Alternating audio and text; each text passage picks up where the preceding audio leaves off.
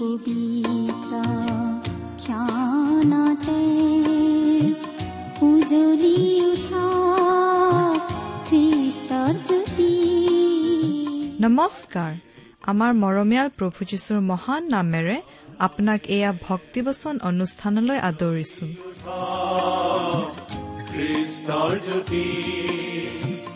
আকাশ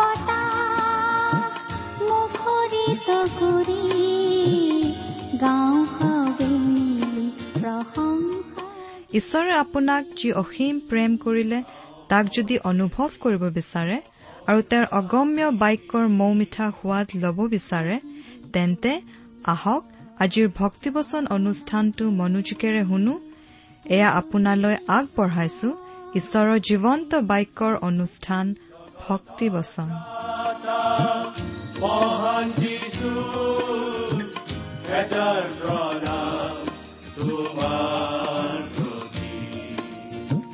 গ্ৰহণ কৰাই ভক্তি বচন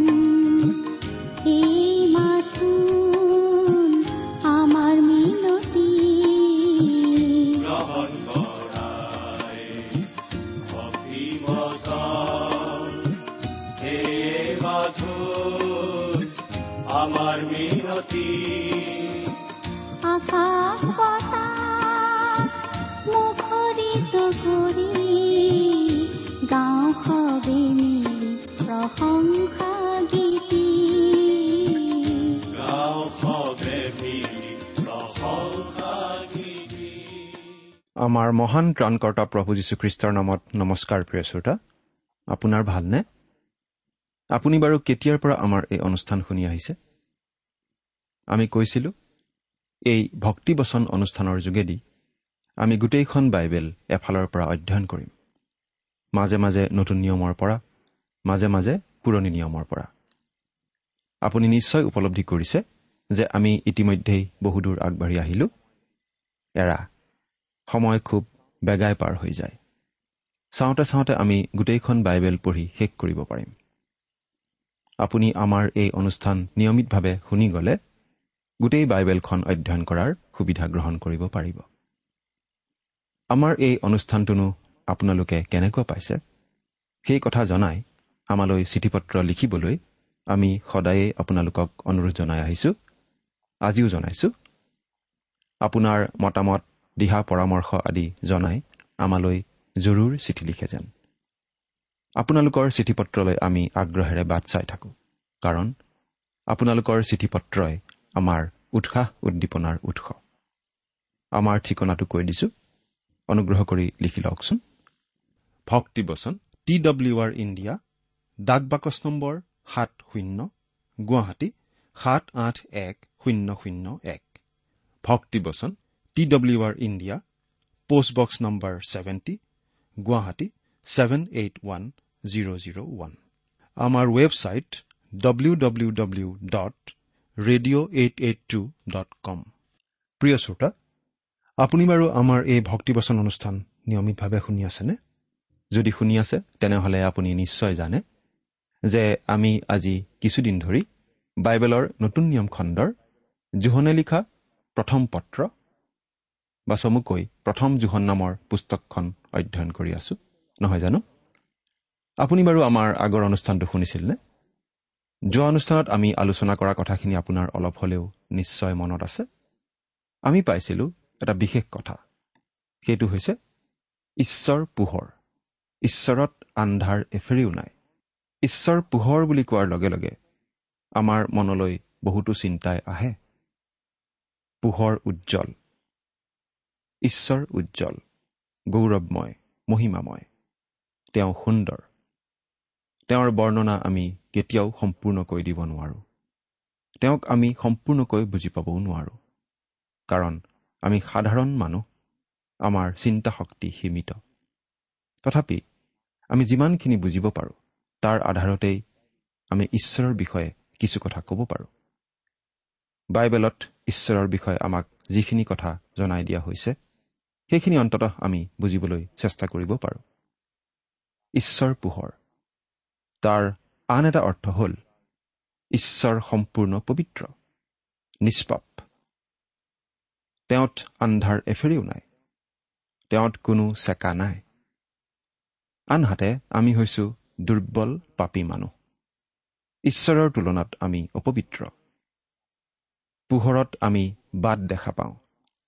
পোহৰে আমাক পথৰ সন্ধান দিয়ে। ঈশ্বৰেহে আমাক প্ৰকৃত পথ প্ৰকৃত সত্য দেখুৱাই দিব পাৰে।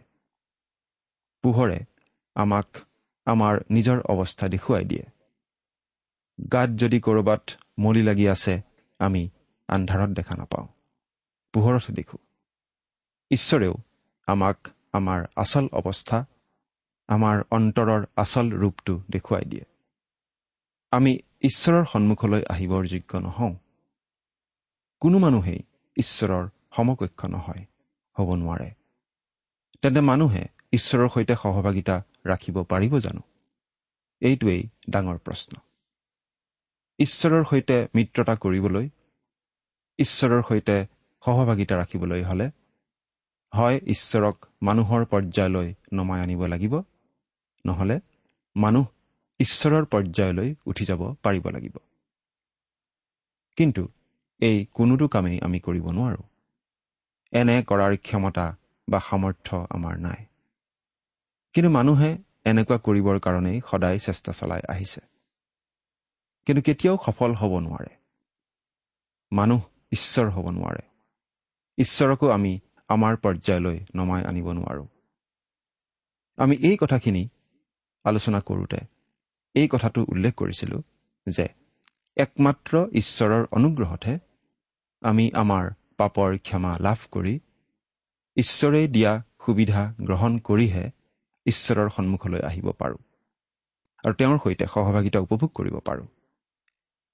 সেই বিশেষ সুবিধা মানুহক দিবৰ কাৰণেই পিতৃ ঈশ্বৰে প্ৰভু যীশুক এই জগতলৈ পঠাইছিল। প্ৰভু যীশুত বিশ্বাস কৰি আমি আমাৰ সকলো পাপৰ ক্ষমা লাভ কৰি ঈশ্বৰৰ দৃষ্টিত গ্ৰহণীয় হ'ব পাৰোঁ। আমাৰ নিজৰ গুণত নহয় একমাত্ৰ ঈশ্বৰৰ অনুগ্ৰহতহে। মানুহে কিন্তু ভুল কৰি থাকে। নিজৰ চেষ্টাৰে ঈশ্বৰৰ কাষ চাপিবলৈ চেষ্টা কৰি থাকে। কিন্তু আমাক বাইবেলত এই কথা স্পষ্টভাৱে জনাই দিয়া হৈছে যে আমি নিজৰ প্ৰচেষ্টাৰে কেতিয়াও ঈশ্বৰৰ দৃষ্টিত গ্ৰহণীয় হ'ব নোৱাৰোঁ। কাৰণ মানুহ স্বভাৱতেই পাপী।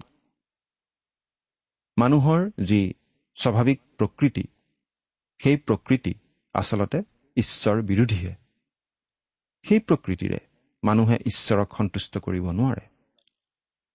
মানুহে প্ৰায়েই চেষ্টা কৰে ঈশ্বৰক মানুহৰ পৰ্যায়লৈ নমাই আনিবলৈ। কিন্তু সেইটো জানো সম্ভৱ? চিন্তা কৰি চাওকচোন। এতিয়া আমি বাইবেলৰ পৰা পাঠ কৰি দিব খুজিছোঁ। যোৱা অনুষ্ঠানত আমি এই প্ৰথম দুখন পুস্তকৰ প্ৰথম অধ্যায়ৰ পাঁচ নম্বৰ পদলৈকে পঢ়ি আলোচনা আগবঢ়াইছিলোঁ। গতিকে আজি আমি ছয় নম্বৰ পদৰ পৰা আলোচনা আৰম্ভ কৰিব খুজিছোঁ। আহকচোন আমাৰ আজিৰ বাইবেল অধ্যয়ন আৰম্ভ কৰাৰ আগতে পৰম পিতা পৰমেশ্বৰৰ ওচৰত প্ৰাৰ্থনাত মূৰ্ণত কৰোঁ হওক। আমি প্ৰাৰ্থনা কৰোঁ। হে আমাৰ স্বৰ্গত থকা অসীম দয়ালু পিতৃ ঈশ্বৰ তোমাৰ মহান নামৰ ধন্যবাদ কৰোঁ। তোমাৰ গৌৰৱ মহিমা সকলো ঠাইতে বিয়পি পৰক। এই দুখমোকালিতে আমি প্ৰাৰ্থনাৰে তোমাৰ ওচৰ চাপিছোঁ প্ৰভু। কিয়নো তুমি প্ৰাৰ্থনা শুনোতা আৰু উত্তৰ দিওঁতা ঈশ্বৰ। তুমি পবিত্ৰ তুমি ধাৰ্মিক তুমি ন্যায়বান তুমি দয়ালু তুমি কৰোণাময়। তুমি আমাৰ স্ৰষ্টা পালনকৰ্তা। তুমি আমাৰ উদ্ধাৰকৰ্তা। তোমাৰ তুলনাত আমি অতি নগণ্য প্ৰভু। তথাপি তুমি আমাক কিয় ইমান প্ৰেম কৰা আমি বুজি নাপাওঁ। তোমাক অশেষ ধন্যবাদ কিয়নো তুমি আমাক উদ্ধাৰ কৰিবলৈ তোমাৰ একমাত্ৰ পুত্ৰ যীশুখ্ৰীষ্টকে জগতলৈ পঠালা। তেওঁ ক্ৰুচত প্ৰাণ দি আমাৰ পাপৰ প্ৰায়চিত্ৰ কৰি তৃতীয় দিনা পুনৰ জি উঠি সোঁ শৰীৰে স্বৰ্গলৈ গৈ এতিয়া তোমাৰ সিংহাসনৰ সোঁহাতে বহি আমাৰ হকে নিবেদন কৰি আছে। তেওঁত বিশ্বাস কৰি আজি আমি বিনামূল্যে পৰিত্ৰাণ লাভ কৰি তোমাৰ সন্তান হ'ব পৰা হৈছোঁ। আমাৰ ধাৰ্মিকতাৰ কাৰণে নহয় কিন্তু একমাত্ৰ তোমাৰ অনুগ্ৰহতে ই সম্ভৱ হৈছে। তাৰ বাবে তোমাক অশেষ ধন্যবাদ পিতা। এতিয়া প্ৰাৰ্থনা কৰিছোঁ তুমি আমাক তোমাৰ বাক্য বুজিবলৈ সহায় কৰা। তোমাৰ মাত আমাক শুনিবলৈ দিয়া। অনুষ্ঠান শুনি থকা প্ৰতিজন শ্ৰোতাক তুমি বিশেষভাৱে আশীৰ্বাদ কৰা। কিয়নো এই প্ৰাৰ্থনা আমাৰ ত্ৰাণকৰ্তা প্ৰভু যীশুখ্ৰীষ্টৰ নামত অৰ্পণ কৰিলো। আমেন।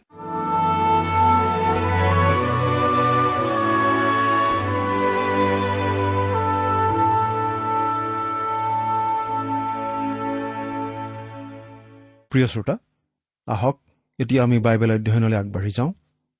প্ৰথম জোহন প্ৰথম অধ্যায়ৰ ছয় নম্বৰ আৰু সাত নম্বৰ পদ দুটাৰ পৰা আমাৰ অধ্যয়ন আজি আগবঢ়াম। প্ৰথমতে ছয় নম্বৰ পদটো পঢ়ি দিব খুজিছোঁ। আপোনাৰ লগত যদি বাইবেল আছে অনুগ্ৰহ কৰি চাই যাব। নহ'লে মন দি শুনিব দেই। পাঠ কৰি দিছোঁ। প্ৰথম জোহন প্ৰথম অধ্যায় ছয় নম্বৰ পদ।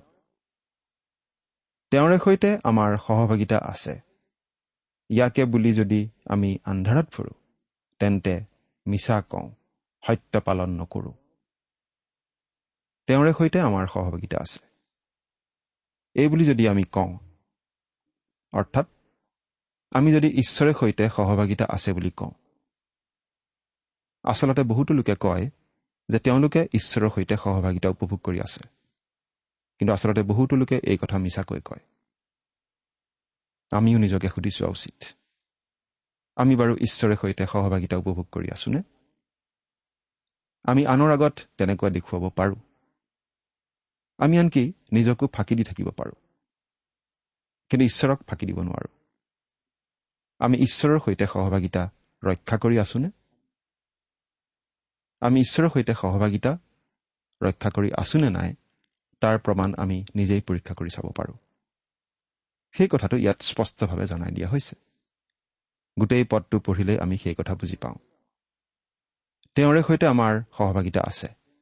ইয়াকে বুলি যদি আমি আন্ধাৰত ফুৰোঁ তেন্তে মিছা কওঁ সত্য পালন নকৰোঁ। ইয়াত জোহনে কি কৈছে? আপুনি নিশ্চয় বুজি পাইছে? বুজি নোপোৱাৰ কথাই নুঠে।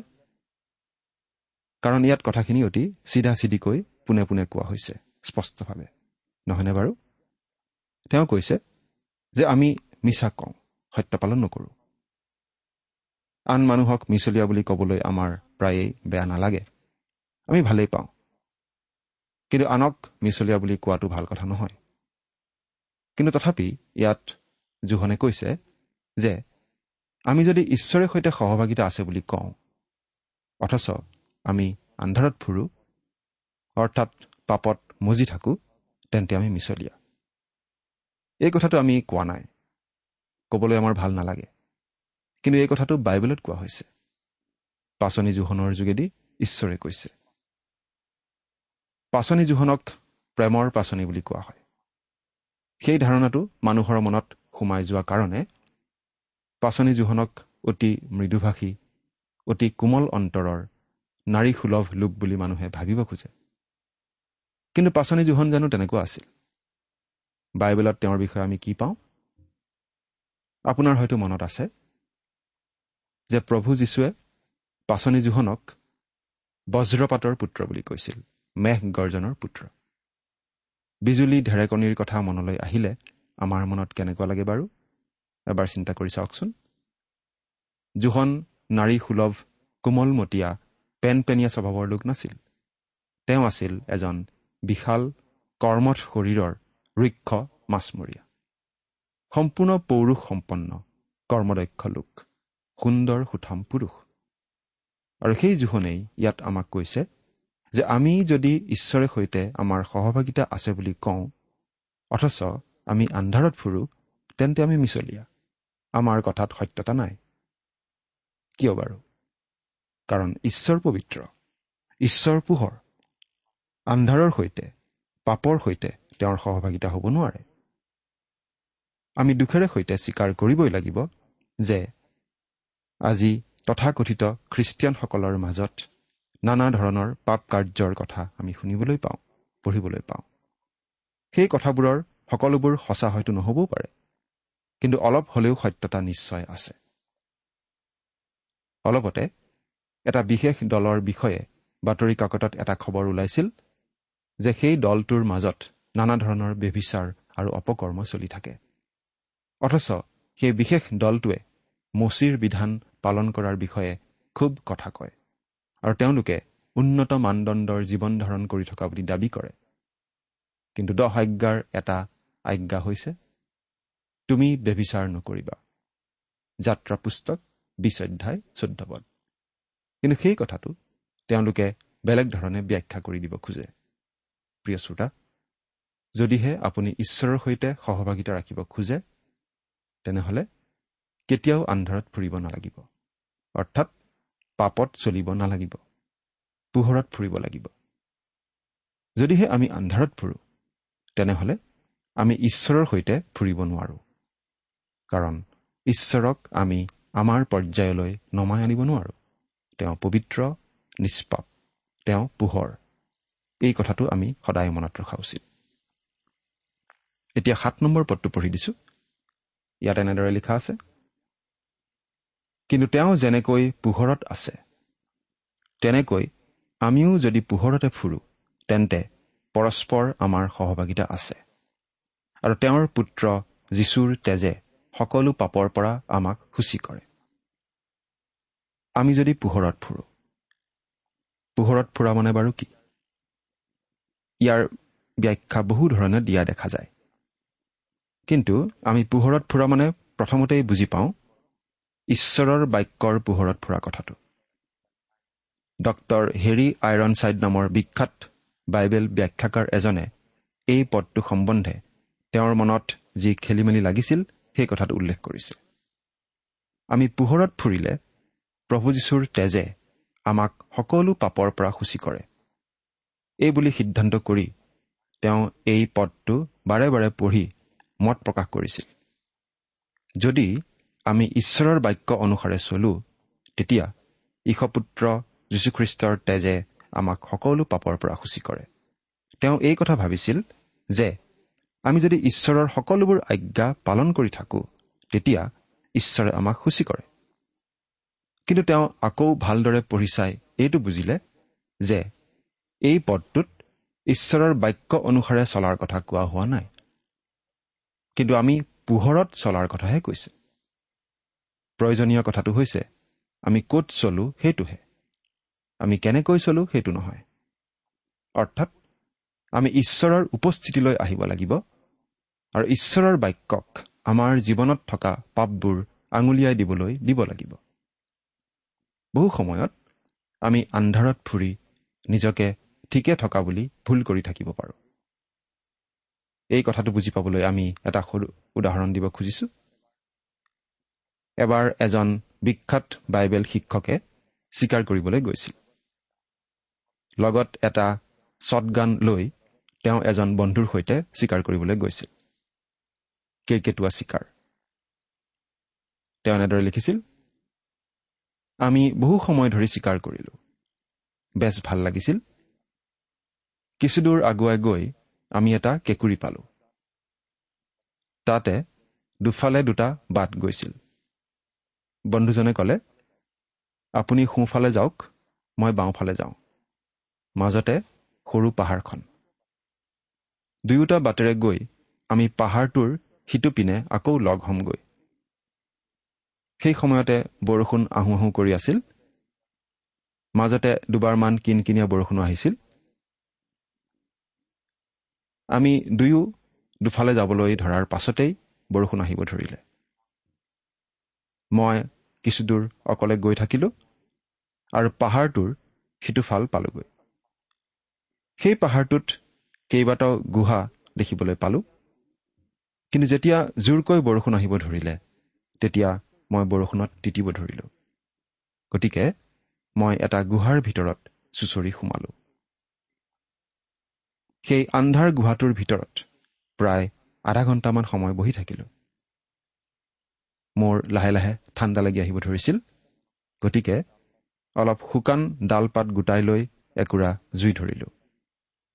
জুই জ্বলি উঠাৰ লগে লগে মই গুহাটোৰ ভিতৰখন দেখিবলৈ পালোঁ। দেখি মই আচৰিত হলোঁ। গুহাটোৰ ভিতৰত অসংখ্য জেঠী আৰু মকৰা। আৰু এটা চুকত দেখিলোঁ এডাল প্ৰকাণ্ড সাপ। মেৰিয়াই পৰি মোলৈকে চাই আছে। মই আৰু অলপো দেৰি নকৰি খুব বেগা বেগিকৈ সেই গুহাটোৰ পৰা ওলাই আহিলোঁ। বাহিৰত বৰষুণ। মই বৰষুণত তিতি জুৰুলা জোপোৰা হলোঁ কিন্তু আকৌ সেই গুহাৰ ভিতৰলৈ সোমাই নগলোঁ। প্ৰিয় শ্ৰোতা এই উদাহৰণটোৰ পৰা আমি কিছুমান কথা বুজি পাওঁ।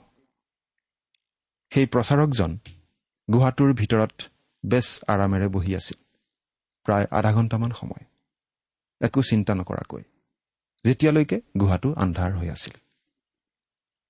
কিন্তু জুই জ্বলোৱাৰ পাছত জুইৰ পোহৰে যেতিয়া গুহাটোৰ ভিতৰত থকা বস্তুবোৰ প্ৰকাশ কৰিলে তেতিয়া আৰু তেওঁ তাত শান্তিৰে থাকিব নোৱাৰা হ'ল।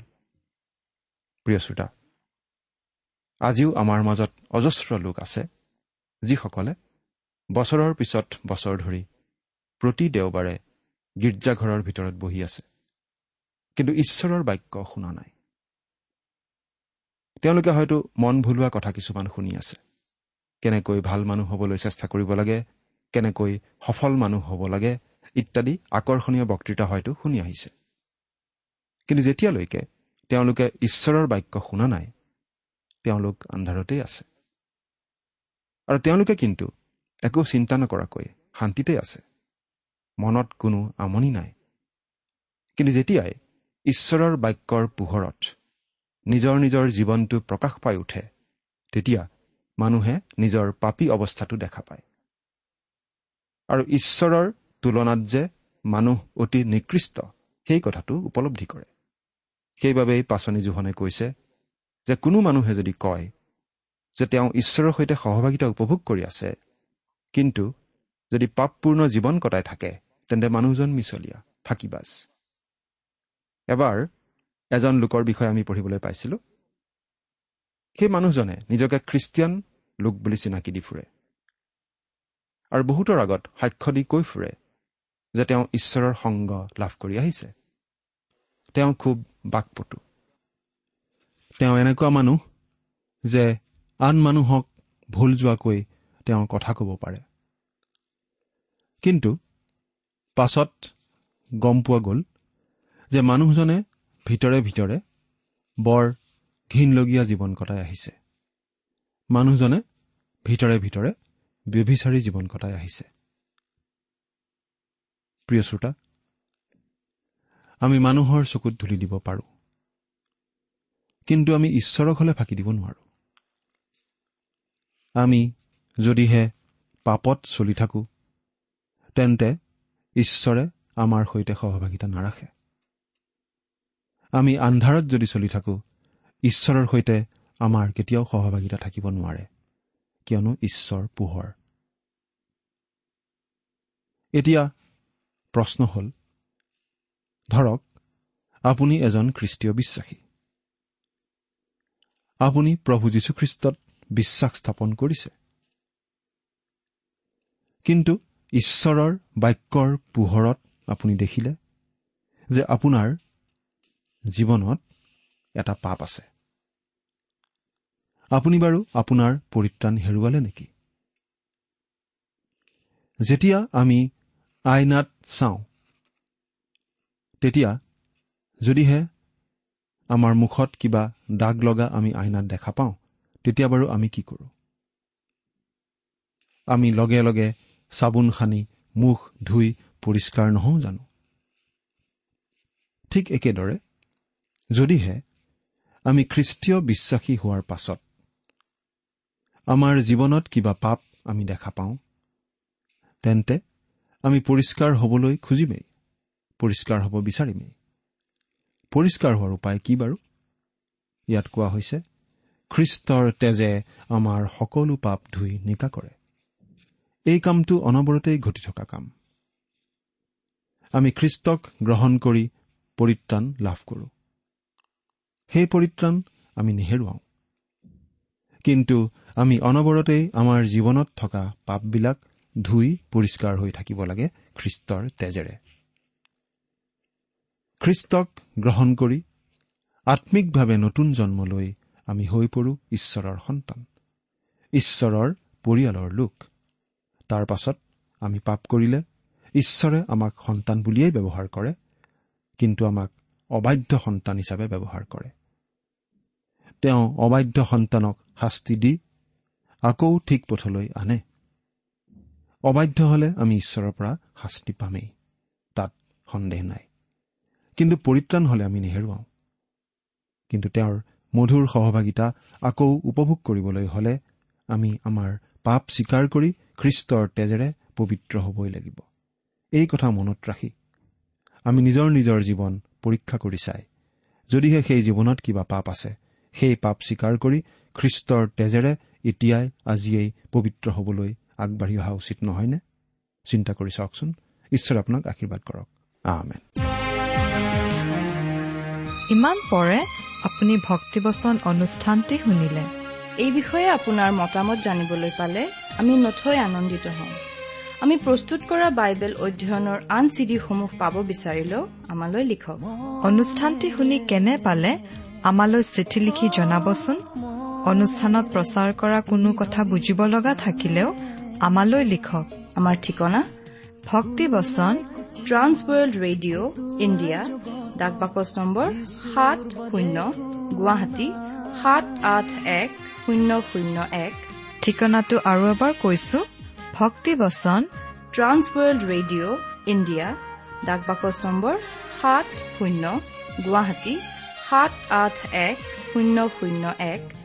আমাৰ ইমেইল এড্ৰেছটো হৈছে S T T B at the rate radio' eight eight two dot com.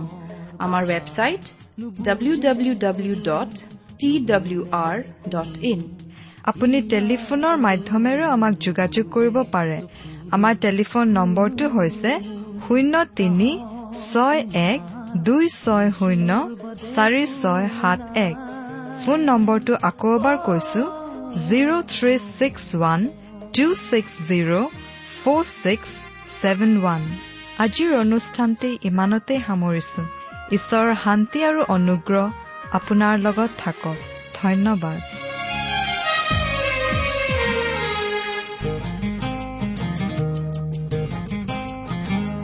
লাগে যদি আহাৰে ভৰা পুৰে পূৰ্ণ জীৱন গাথা যিচুৰ তেজে দিয়ে পূৰ্ণতা যিচুৰ কথাই চকুলো মুছে যিচুৰ বাদে কোনো নাই তোমাৰ কাহ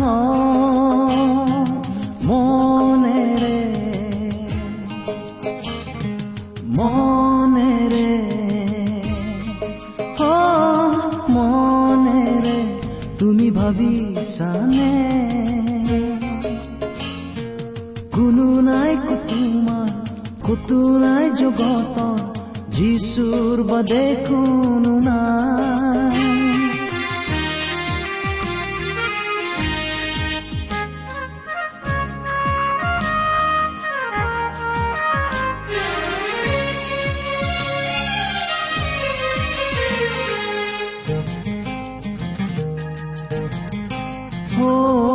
তেজৰ তলে নাৰাখে কাকো প্ৰেমৰ ভাষা নুবুজে কোনো নুশুনে কোনো হিয়াৰ কান্দোন নুবুজে চকুলোৰ কোনোৱে মোৰ কাহ তোমাৰ ঈশ্বৰ বাদে কোনো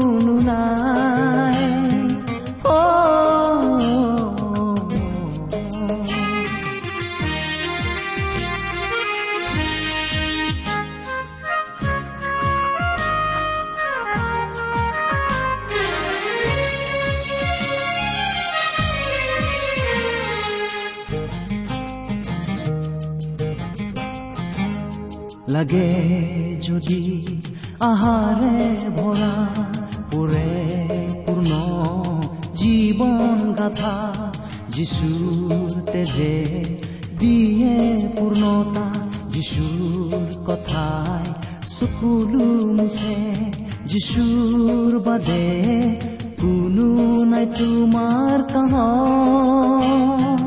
মনেৰে মনেৰে জানে কোনো নাই তোমাৰ কতো নাই জগতৰ যিচুৰ বাদে কোনো নাই।